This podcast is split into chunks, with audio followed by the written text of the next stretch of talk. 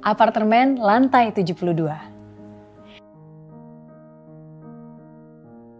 Sepasang lelaki dan perempuan yang baru saja menikah memutuskan membeli sebuah apartemen baru yang terletak di lantai 72. Setelah mereka memberikan pembayaran tanda jadi, kunci pun diserahkan kepada mereka. Mereka sangat bersemangat. Setelah mendapatkan kunci, mereka memutuskan untuk melihat apartemen baru mereka. Mereka menuju ke lift untuk naik ke lantai 72, tempat unit apartemen mereka. Namun apa yang terjadi? Mereka kecewa ketika mengetahui bahwa semua lift rusak dan sedang diperbaiki. Karena tidak mau menunggu, mereka tidak keberatan naik lewat tangga menuju lantai 72. Setelah mencapai lantai 21, pasangan ini mulai merasa keberatan dengan barang-barang bawaan mereka. Mengetahui bahwa perjalanan masih jauh, mereka memutuskan untuk meninggalkan tas di lantai 21 dan melanjutkan naik tangga lagi. Ketika tiba di lantai 45, mereka kelelahan dan saling menyalahkan karena memutuskan naik lewat tangga. Bahkan mereka juga mulai menyesal karena membeli apartemen di lantai tertinggi.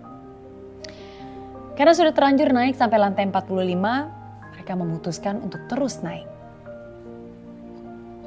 Ketika sudah sampai di lantai 60, mereka tidak lagi saling berbicara. Ide naik tangga sampai ke lantai 72 terasa sebagai ide yang sangat konyol. Mereka memutuskan untuk diam saja dan tidak saling berbicara tentang hal itu lagi. Akhirnya mereka mencapai tujuan akhir di lantai 72. Begitu tiba di depan pintu, mereka tersenyum lemah sambil berpandangan. Ketika mereka mencari kunci untuk membuka pintu apartemen, mereka baru menyadari bahwa kunci itu tertinggal di lantai 21 bersama tas mereka. Ternyata ini cerita nyata loh. Semua orang memiliki cita-cita yang hebat ketika masih kecil. Entah menjadi dokter, guru, pilot, pengusaha, dan lain-lain. Cita-cita menjadi terlupakan ketika berusia 21 tahun. Kenapa? Karena mereka mengikuti nasihat orang-orang kebanyakan dengan menerima pekerjaan apa pun yang ditawarkan. Mereka melepaskan mimpi dan melanjutkan hidup seperti orang-orang lainnya. Ketika mencapai usia 45 tahun, mereka mulai kecewa dengan kondisi hidup yang menyusahkan dan mulai menyalahkan orang lain. Mereka tertekan dan tidak bahagia gaji yang mereka dapatkan selalu mengalir keluar untuk membayar semua tagihan dan cicilan pinjaman. Ketika mencapai usia 60 tahun, mereka tidak berkata apa-apa lagi. Hidup hanya dijalani seperti robot.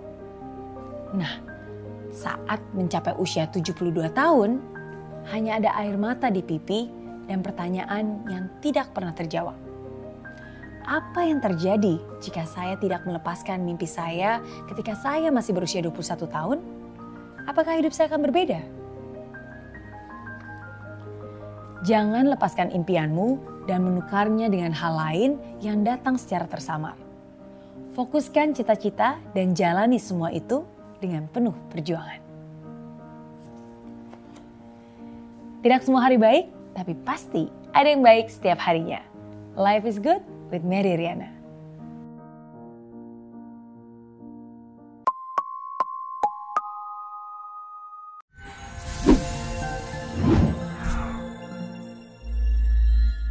Katanya di situasi seperti sekarang ini mending di rumah aja. Benar sih, tapi pastikan ketika seharian di rumah, khususnya anak Anda bukan hanya main gadget terus. Akan jauh lebih baik kalau kita mulai mengajarkan satu kebiasaan paling positif pada mereka, yaitu kebiasaan untuk membaca. Nggak mudah, tapi bisa. Nah, apa langkah pertamanya? Berikan bacaan yang memang dirancang khusus untuk anak-anak. Ada banyak pilihan, salah satunya adalah buku Mary Riana for Kids, bacaan edukatif, inspiratif, dan pastinya disukai oleh anak Anda. Isinya berisi cerita-cerita analogi yang mudah dimengerti oleh anak dan juga juga disertai ilustrasi menarik jadi nggak bosan. Anak saya juga suka bacanya. Tersedia dua seri yaitu Mary Riana for Kids 1 dan juga Mary Riana for Kids 2. Buku ini bisa dibaca untuk anak-anak sendiri atau bisa juga Anda yang membacakannya untuk anak Anda. Tertarik? Segera miliki buku Mary Riana for Kids dengan klik link yang ada di bawah ini.